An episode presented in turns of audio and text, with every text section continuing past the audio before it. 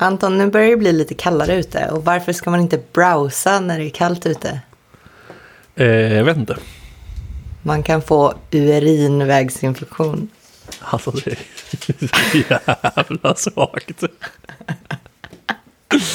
Alltså, jag, jag, har ju, jag har ju inte kanske hyllat alla dina skämt eh, så starkt. Men det här var, det här var så fruktansvärt forcerat.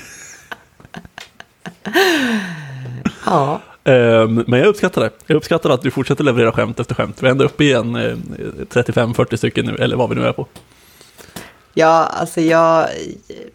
Man kan inte ha krav att de ska vara... Hålla standard, så att säga. Nej, det, det kan jag hålla med om. Eh, så att eh, är det så att någon lyssnare sitter för massa bra skämt så kan de ju alltid skicka in dem. Så kan vi eh, kanske ha lite högre eh, standard på något avsnitt. Ja, jag tycker det känns som påhopp. Men eh, absolut, absolut. Men eh, i alla fall om vi skulle... vä- Hej och välkomna till ASDF allihopa. Eh, och ehm, i dagens avsnitt så tänkte jag att vi kunde prata lite om den eh, förslaget vi fick av vår lyssnare Erik. Lyssnare och vän. Eh, där han undrar om vi inte kan prata lite om hur eh, en kommer igång och hålla talks. Så Ja. ja, ja ta oss igenom det Anton. Exakt. Eh, nej, men jag tycker ändå det är ganska viktigt. Alltså, så här, eh, det är ju en fråga jag ändå har ställt mig själv en gång i tiden. Men ska väl också klargöras att vi är inte kanske de mest erfarna inom området. Alltså vi har ju båda hållit talks, du har hållit på konferenser eh, och kanske liksom någon utbildning och någon meetup och jag har hållit på meetups och sånt där. Eh, och jag tänker att det är det som liksom eh, anspelats i frågan också, alltså de liksom externa talksen man gör. Men om man ska börja någonstans så tycker jag att det första sättet att göra det på är att hålla liksom interna talks på sitt jobb.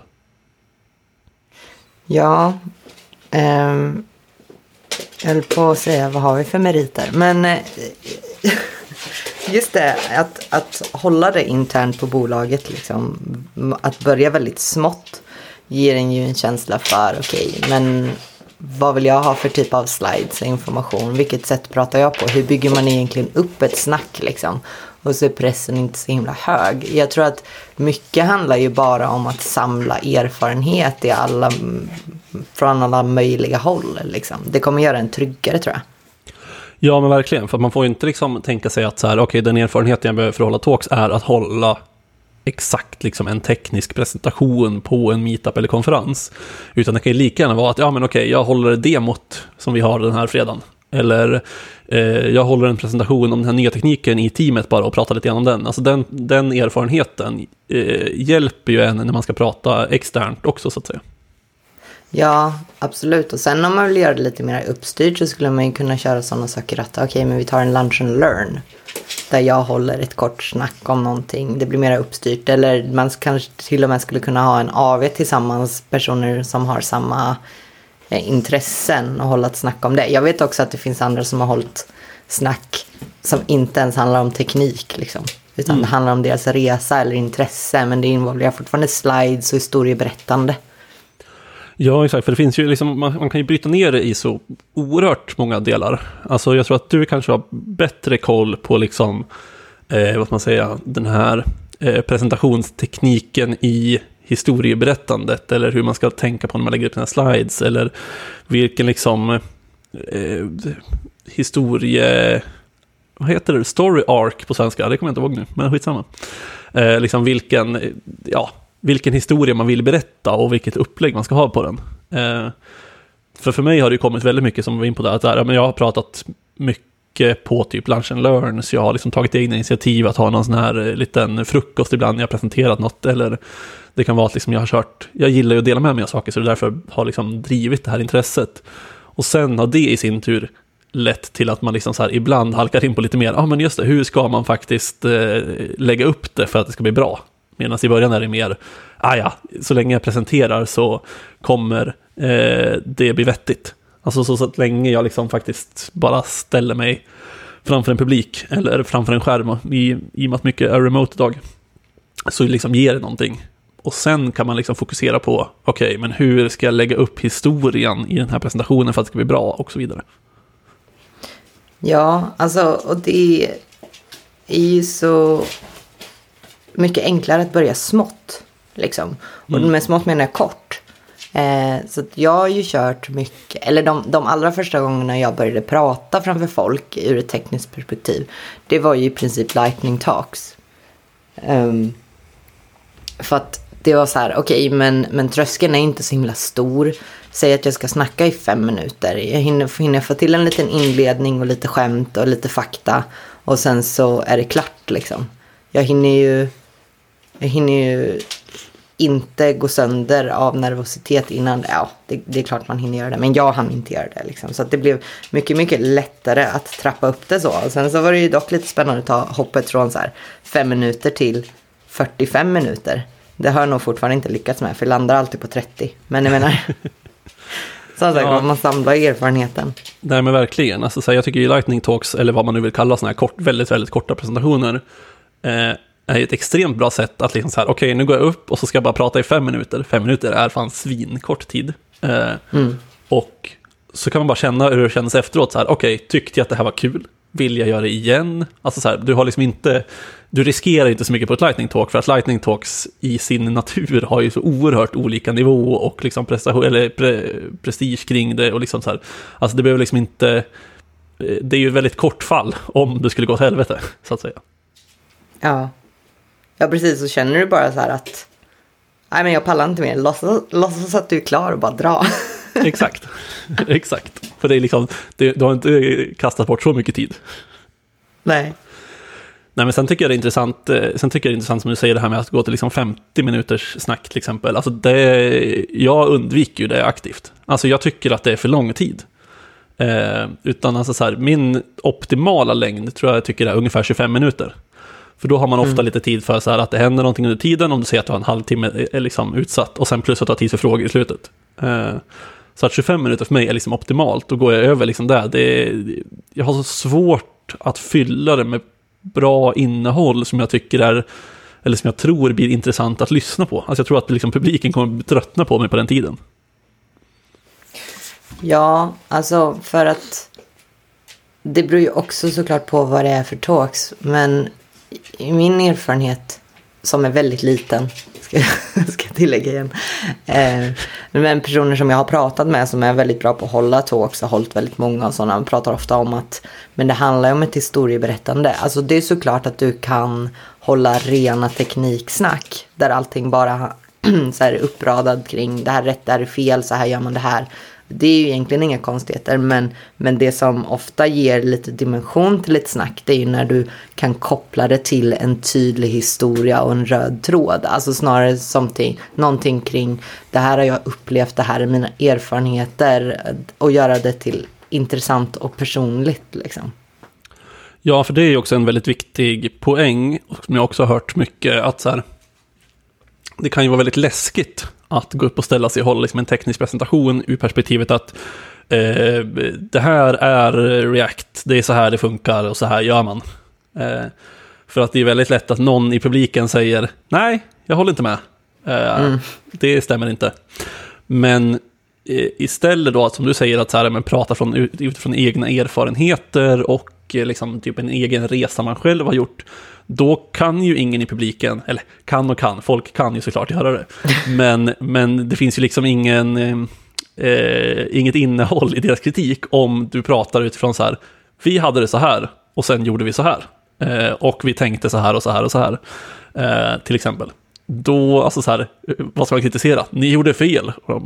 Då är liksom, jaha, ja, vi gjorde så här på grund av det här, du vet ingenting.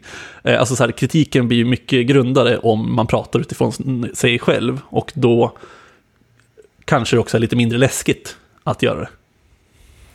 Ja, sen beror det ju helt på vilken person man är. Alltså jag har ju mycket lättare att typ på jobbet gå och ställa mig och hålla ett lightning talk om typ min jätteemotionella resa på ett uppdrag jag hade än att jag vill gå och, och förklara någonting ur en teknisk point of view. Men det är ju för att jag har dåligt tekniskt självförtroende liksom. Eh, men som du säger, min upplevelse är ju min. Den kan ju ingen plocka från mig på det sättet. Nej, nej men precis. Nej, för det är, det är verkligen personligt. Så man ska liksom inte kanske låta bli att hålla de här tekniska presentationerna för att de, jag kan tycka de är superintressanta också. Eh, bara igår när vi pratade om att vi skulle ha det som ämne, då blev jag så här, fan jag måste hålla en teknisk presentation snart. Så då började jag skriva typ eh, om framtidens React, började jag skriva ett talk. Eh, vi får se om det blir något av det, för just nu så känner jag att ja, det är mycket fakta och jag har ingen riktig, alltså så här, det är innehåll men inte så kul. Uh, så vi får se vad det landar i slutändan.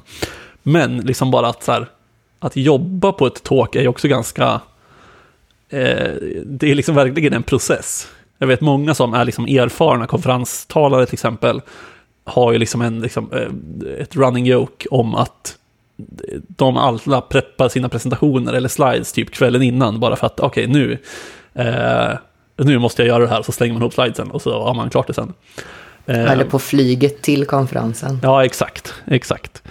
Eh, men, men det är fortfarande liksom så här, det är fortfarande ett arbete att få till en bra presentation om, alltså, om man vill lägga ner lite tid på det. För det är klart att så här, visst, om du kan ett ämne väldigt bra så behöver man inte kanske lägga ner världens längsta tid på att preppa. Men ska du hålla ett talk på en meetup eller en konferens så är det ju ändå kanske lite eh, en skyldighet att man ska lägga lite eh, tid på att preppa den bara för att man ska kunna, eh, alltså så, här, så att man inte ska slösa bort besökarnas tid helt enkelt.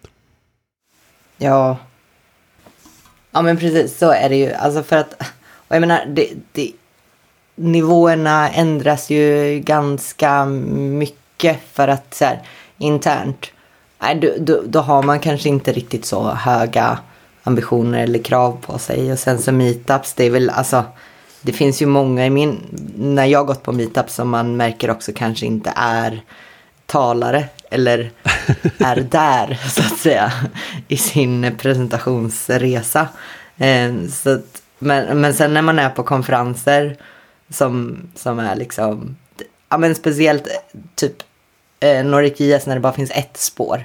Mm. Då håller ju talarna oftast en väldigt hög klass. Sen så finns det ju såklart nervösa eh, talare där och sådana. Men, men man ser ju att där kan du inte gå upp och inte ha preppat liksom och ha någonting att säga för att det skulle bli jättekonstigt. Så att jag menar, nivåerna går ju upp hela tiden. Jag pratade ju till exempel på en konferens som har väldigt många spår. Där det, där det kanske inte är samma, alltså det, det är inte samma mängd människor som tittar på mig liksom. Och jag fick ju faktiskt möjligheten att komma in via en så här mera stödgrej. Att vi vill ha in nya talare i branschen. Är det någon som är intresserad, vi kommer hjälpa dig liksom, lite på den här resan. Så mm. jag fick ju ett, ett otroligt tillfälle så att det är väl också en grej när, om det uppenbarar sig tillfällen, hoppa på dem liksom. Våga göra det om du är intresserad av att tala. Ja, nej men exakt. Och alltså så här mycket som du är inne på, alltså så här nu om man tittar på Nordic IS till exempel, så känns det som att många presentationer där är extremt bra. Men en viktig grej är ju att inte glömma att ofta har ju folk kört presentationerna förut. Alltså, för, alltså man tänker kanske så här att Eh, oj, nu har de skrivit en helt ny presentation för den här konferensen och det är första gången de visar den för någon. Så är det ju i stort sett aldrig. Så att eh, de kan ju ha kört den på meetups tidigare till exempel, eh, eller liksom på något ställe som inte spelas in, eller så har de kört den på flera ställen tidigare, även fast det spelas in. Eh, men också att man har liksom övat den flera gånger innan. Och det är liksom perfekt då till exempel, att om jag säger att jag skulle hålla en, en presentation på en konferens, då skulle jag kanske köra den först på eh, internt för lite kollegor. Sen skulle jag, eller först kanske jag skulle öva för mig själv, sen skulle jag köra den internt för lite kollegor, ta lite feedback, se hur det gick. Sen skulle jag kanske eventuellt köra den på en meetup om jag ville liksom öva ännu mer. Och beroende på hur tidsmässigt det ser ut. Och sen köra den på konferensen, liksom, så att man får liksom tillfällen att öva på hur det går. För det är ju, alltså just själva tidsaspekten är ju jävligt svår. Eh, alltså så här, okej, okay, jag har preppat en presentation som är 25 minuter lång, men sen kliver man upp på en scen, blir lite mer nervös och så höjer man tempot i rösten lite grann och så helt plötsligt så har du pratat i en kvart och så är du klar. Eh, mm. Så att det är väldigt viktigt att kunna veta så här ungefär, att få en känsla för att okej, okay, men när jag har kommit till den här sliden i presentationen så är det liksom ungefär så här mycket tid kvar. Och då vet man så här, oj, jag ligger lite före eller oj, jag ligger lite efter till exempel. Ja, och sen så handlar det också om man är som, som mig till exempel, att man är väldigt... Alltså jag skriver ju ett helt snack. Alltså jag skriver ju ner hela manuset i princip, alla ord. Och sen så vill jag ju säga det på det sättet, vilket är problematiskt för då står man ju och läser till och det ska jag ju inte göra egentligen. Men jag är ju väldigt så rädd för att om jag inte håller mig till mina exakt skrivna ord så ska jag säga någonting som är tekniskt fel och då ska jag få backning på det. Liksom. Ni hör ju, jag är ju inte en person som ska hålla talks, absolut. Men det, det, är lite så det blir. Så att jag, jag har ju förlitat mig väldigt mycket på att kunna läsa till nästan. Vilket funkar jättebra i digitala eh, snack, ska sägas. Mm. Um, så det är en grej också att träna för att komma bort från den grejen. Sen också träna med de förutsättningarna som finns. Ska du hålla ett digitalt snack, träna digitalt så att du vet att du har liksom koll på skärmar och vad som ska flyttas och så. Ska du hålla det live med mick och klicker, se till med bästa möjliga förutsättningar att kunna träna med mick och klicker liksom, för att det blir annorlunda. Så de bitarna är också rätt viktiga. Ja, verkligen. Och sen, och sen en, en grej som jag tänkte på nu är att det blir väldigt poppis nu i coronatider att eh, förinspela sina talks till konferenser. Eh, så att det är liksom också en möjlighet som finns mycket mer nu än vad det fanns förut. Men alltså när det är liksom digitala konferenser som eh, inte har besökarna på plats så kan man liksom förinspela dem. Sen gör ju ofta många konferenser att du fortfarande har en live-frågestund efteråt där talaren finns på plats liksom. Men att själva talket är förinspelat. Eh, och det är ju liksom också ett, ett, eh, jag tror att det är ett ganska bra sätt att köra liksom en första presentation på eller första talk på för att då kan man liksom så här, ja, blir det fel då, då kan du ändå göra om en gång och spela in det igen. eh, så att, så att det kan ju liksom också vara ett alternativ att undersöka om man känner att ja, men jag kanske vill testa att hålla den här presentationen på en konferens. Eh, kolla om det är liksom en konferens som tillåter förinspelade talks, så kan man ju köra på det. Ja. Men sen så finns det också, för nu pratar vi mycket om konferenser och meetups och så. Det är ju det kanske mycket man tänker på. Men sen så finns det ju ja, men andra sätt att hålla på. Så jag har ju till exempel hållit, ja men eh, inte utbildningssnack utan typ person från branschen snack på så här utbildning liksom. Det är ett annat sätt att göra det på eller om du vill, jag vet inte, så här, som konsultbolag som vi till exempel, om man har någon som har ett jätteintressant ämne att prata om så kanske vi tar in det. Det blir ju som en typ av meetup liksom, men det skulle också kunna vara att vi tar in en utomstående som pratar för våra konsulter internt liksom. Så det finns ju lägre trösklar också att, att hitta skulle jag säga. Ja, nej men exakt. Och liksom säg att man som konsult börjar hålla lite interna snack så kan ju det väldigt lätt bli att så här, någon annan konsult, ah, men kan inte du komma och hålla den där hos min kund också? Eh, och så får man mm. komma och liksom presentera där också. Så att eh, man ska liksom kanske inte begränsa sig, som du är inne på, till bara så här meetups och konferenser, det som finns, utan det finns ju liksom extremt många olika sätt att hålla presentationer på. Och alltså så här, ur ett eh, komma igång-perspektiv eh, så tror jag ändå så här, ja men de interna snacken på jobbet tror jag är de eh, liksom viktigaste kanske för att man ska få någon typ av rutin och komma igång och göra det. Och på samma sätt, typ så här, ja men om någon ska hålla ett demo i teamet, ja men stig fram och ta den, det steget liksom. Eh, och säga att ja, men jag kan hålla det, det är inga problem. Eh, för att då får du öva på presentationsteknik och lite sådana saker i alla fall. Ja, absolut.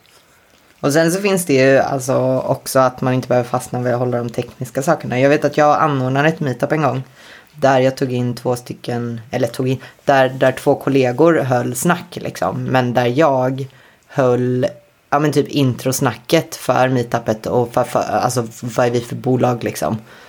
Så, här, så det var ju inte tekniskt från min sida men det var ju fortfarande som sagt var igen erfarenheten. Mm. Ja, nej men precis. Nej, alltså så att det finns ju extremt liksom många sätt att göra det på. Ja, alltså du kan ju hålla så här för någon som inte har din roll. Kan du hålla ett snack om det här är min roll. Ja. Det här gör jag. Ja, men precis. Och sen, alltså så här, sen när man väl har kommit igång och hålla snacken, då finns det ju liksom extremt mycket resurser om man vill bli eh, duktigare på det. Eh, jag vet att eh, Scott Hanselman har väl en gratis presentationsteknikkurs tror jag på, om det ligger på Plural, Plural, Plural Site kanske, om jag minns rätt. Så att, och det, liksom, det finns ju ganska mycket sådana resurser som man kan kolla på. Alltså så här, bara gå in på YouTube och söka presentationsteknik. Det, är liksom, det finns extremt många. Vad heter han som har gjort den här The Death to Powerpoint? Eh, ja, jag kommer inte ihåg. Det finns en, jag tror en svensk kanske. Ja, han. Som har gjort en, eh, jag vet inte om det är en bok eller om det är en presentation eller om det är en kurs, jag vet inte, eller alltihopa. Eh, jag tror allt. Ja, exakt. Där han pratar liksom presentationsteknik och eh, så här att försöka hur man ska typ, så här, göra bra slides till sin presentation bland annat. Eh, så att du kanske inte bara ska rada upp massa punkter i en, i en, eh, i en powerpoint, utan göra det lite roligare och fånga publiken och lite sådana saker. Ja, han har, det, det finns någon YouTube-video tror jag. Han har också någon där han pratar om just det här med historieberättande. Mm. eh, och vikten av det och vilken dimension det kan ge till ett snack och så. Ja, exakt. Och det är också en, alltså en sak som, alltså så här, historieberättande är ju liksom inte något som är unikt för att hålla presentationer direkt. Utan man kan ju liksom applicera vilken historieberättarteknik som helst. Alltså den kändaste är väl så här hjältens resa, eller vad fan det nu heter. Eh, när liksom, ja men först så har du, du har liksom någon, någonting i fokus som ska vara en hjälte. Och sen så ska det gå väldigt bra och sen kommer det någon motgång och sen kommer det liksom eh, en liksom eh, lite uppåt igen och sen en sista motgång och sen så blir det något fint på slutet typ. Eh, Så att alla sådana saker som man kan lära sig, alltså sån kunskap kan man ju hitta utanför presentationsbubblan så att säga. Och allt sånt går ju liksom att applicera på hur du håller dina presentationer. Ja, verkligen. Sen är det en, en grej som kanske är helt uppenbart för andra men som inte var helt uppenbart för mig. Det är att man ska verkligen tänka också på skillnaden med att hålla ett snack eller en presentation och att hålla en utbildning. Alltså sen är det klart längden och antal tillfällen liksom. Men om du ska berätta något för någon, är ditt ultimata mål att de ska lära sig så absolut mycket de bara kan på den tiden du pratar? Eller är målet att de ska ha, en ha det lite gött under den tiden du pratar liksom? Ja, men exakt. Alltså, min, när jag presenterar så är det väldigt sällan jag känner så här, ja, men jag kommer lära dem något eh, liksom revolutionerande. Utan det är snarare så här, ja, men ta med er den här lilla grejen och få lite inspiration. är ju typ oftast målet. Alltså att folk ska känna sig liksom mer taggade på det jag pratar om efter att jag pratat klart om det. Ja. Ja, som sagt det finns ju olika former. Jag tror den absolut mest spännande jag gjort var väl att på en konferens som är en paneldebatt Mm. om, eh, om jag tror det var JavaScript-ramverk med mitt juniora perspektiv. Va? Då fick man bara liksom sitta och tycka saker. Ja, men det, den, den uppskattar man ju ändå. ja, no prepping needed. exakt. Nej, exakt, för det är också en grej att så här, man kanske är sugen på att hålla presentationer, men det finns ju andra format som du är inne på som kanske liksom man tycker är ännu roligare, bara att man inte har tänkt på dem. Alltså typ hålla utbildningar eller sitta i någon paneldebatt eller liksom vad det nu kan vara. Men det känns som att det är väldigt lätt att få en bild av att, ja fan, det verkar så jävla roligt att hålla presentationer, vilket jag tycker att det är. Men det kan ju finnas andra saker som man tycker är ännu roligare. Ja. Känns som att vi, vi har eh, spottat ur oss eh, kunskap, höll jag på att säga. Eh, nej, men tankar om, om att hålla presen- presentationer. Eh, det eh, jag eh, också tänkte på att ett sätt att göra det här är ju typ att livepodda. För att du tycker att det låter som att jag älskar att hålla presentationer. Gud, jag, jag tänker att det, det är det som är målet. När vi når, när tillräckligt många lyssnare önskar det, då ska vi styra upp en ASDF meetup. Då ska vi sitta där och, och pr- prata skit i en halvtimme och sen dricka öl. Det är perfekt. Ja. Vi, vi skulle ju kunna ta det också apropå livepodd. För det jag, det jag tycker är absolut läskigast med typ att hålla snack eller göra saker live, det är nästan frågorna. Alltså det är nästan liksom pu- publikinvolveringen och det är inte så här att jag tycker att människor inte ska få, eller att publiken inte ska få involvera sig eller tycka eller tänka saker. Men det är väl att jag tycker det är väldigt jobbigt att det är så här mitt i få en ah, men varför gör du inte så här? Eller fråga där och sen så kommer man av sig och sen landar man i något konstigt. Och jag menar en sak när man håller snack och så det är också att det är du som kontrollerar. Du måste ha en miljö där du är trygg. Du kan säga jag önskar att vi tar alla frågor i slutet. Ja, verkligen. Jo, gud, alltså man, man kan inte, alltså så här, även om man ska liksom försöka eh, göra publiken eh, nöjd och glad, så är det ju liksom fortfarande ditt eh, snack. Alltså så att du kan ju verkligen som du säger säga att ja, men jag tar frågor i slutet, och sen innan dess så, så vill jag bara hålla min presentation. För det är extremt sårbart att stå där framme. Plus jag kan också säga det att det är kul, man vet ju det innerst inne, men man ser verkligen jätte- jättemycket när man står där framme. jag tror jag såg en en gång på en presentation jag höll som satt och sov. Ja, ja, men det är typ, eh, det- fan, det var någon som pratade om det här, att, eh, jag undrar om det var bara en tweet eller något, där de tweetade så här, fan vad jag uppskattar eh, att den här personen, för att eh, typ när jag höll mina första presentationer satt eh, hen längst fram och bara nickade. Eh, och Ja. liksom, nickade med och höll med. Och det var liksom precis vad de behövde för att liksom komma igenom där. Så att det är också en grej, att tittar man i publiken, sitt och nicka och se lite glad ut. Det kanske gör presentatörens dag. Ja, också om man är på digitala grejer, att om man pallar lämna kameran på och sen så här om, om det kommer ett skämt eller någonting och du tycker det är kul, sitt och skratta i bild liksom. Du behöver inte ha ljudet på. Men det hjälper ju också. Det är, här, det- är lite surrealistiskt, man håller ett snack, så drar man ett skämt och så är det helt knäpptyst. Men så ser man någon som sitter och så här nickar lite gillande, det är så här, det det är allt. Ja, alltså jag höll ju, eh, det måste vara precis i början av pandemin kanske, att jag höll ett snack på Stockholm JS. Och då var det ju helt tyst och ingen med kamera på. Så jag har ju ingen aning om mina skämt flög eller inte. Så att, det är eh, fasen jobbigt. Ja, så att eh, jag har absolut ingen aning om det var kul eller inte. Det kändes som att det var roligt. Jag skrattade inombords. Men, men ja, det är ju det är ju sjukt svårt liksom. Sen kan jag tänka mig att många tycker att, alltså så här, om man inte har så mycket skämt i sin presentation till exempel, så kanske folk tycker att det är skönt att folk stänger av kamerorna. För att då sitter du bara Ja. och pratar in i skärmen och sånt där. Så att jag tror kanske att eh, det är också en typisk sån här grej att samma sak som ställ frågor i slutet, så kan man säkert säga, ja, ni får gärna stänga av era kameror medan eh, jag håller presentationen. om Ja, man vill det. eller, ha på Eller kameran. lämna på kamerorna. Eh, För jag menar, det här nickandet kan ju också ha varit lite... Ja, gud ja. Jag har ju hellre på kameror än av kameror. Ja. Alltså jag bara kände att så här, det här att hålla det snacket när det är helt knäpptyst, det kanske var min crash course till att klara eh, pinsam tystnad i videosamtal. Ja, nej, det var där, ja. I videosamtal, då kan du ju ändå så säga hallå, är, är, är någon där? Medans eh, presentationer, då är det bara att köra på och hoppas att folk lyssnar och tycker att det är kul. Ja. Eh, men ja, med det spretiga tillägget så, så kände jag att jag kanske inte har mer att delge. Som sagt jag har ju inte så jävla stor erfarenhet så jag vet inte vad jag sitter här och sitter om. Nej, men vi, eh, vi länkar väl till våra, våra presentationer som finns online i beskrivningen, tänker jag. Oj, eh, okej. Eh, Jag har och nog bara vet- en sen- tror jag. Sen vet ni ju att eh, Therese eh, precis sa att så här, publikinteraktion det är inte så kul, så att ni behöver inte feedbacka. Jag är en snöflinga, jag vill aldrig ha feedback. Exakt. Eh, Men med det sagt, eh, tack för att ni har lyssnat. Vi eh, hörs igen om en, två veckor. Så säger vi så. Ja, det är vi. Bye bye! Tja!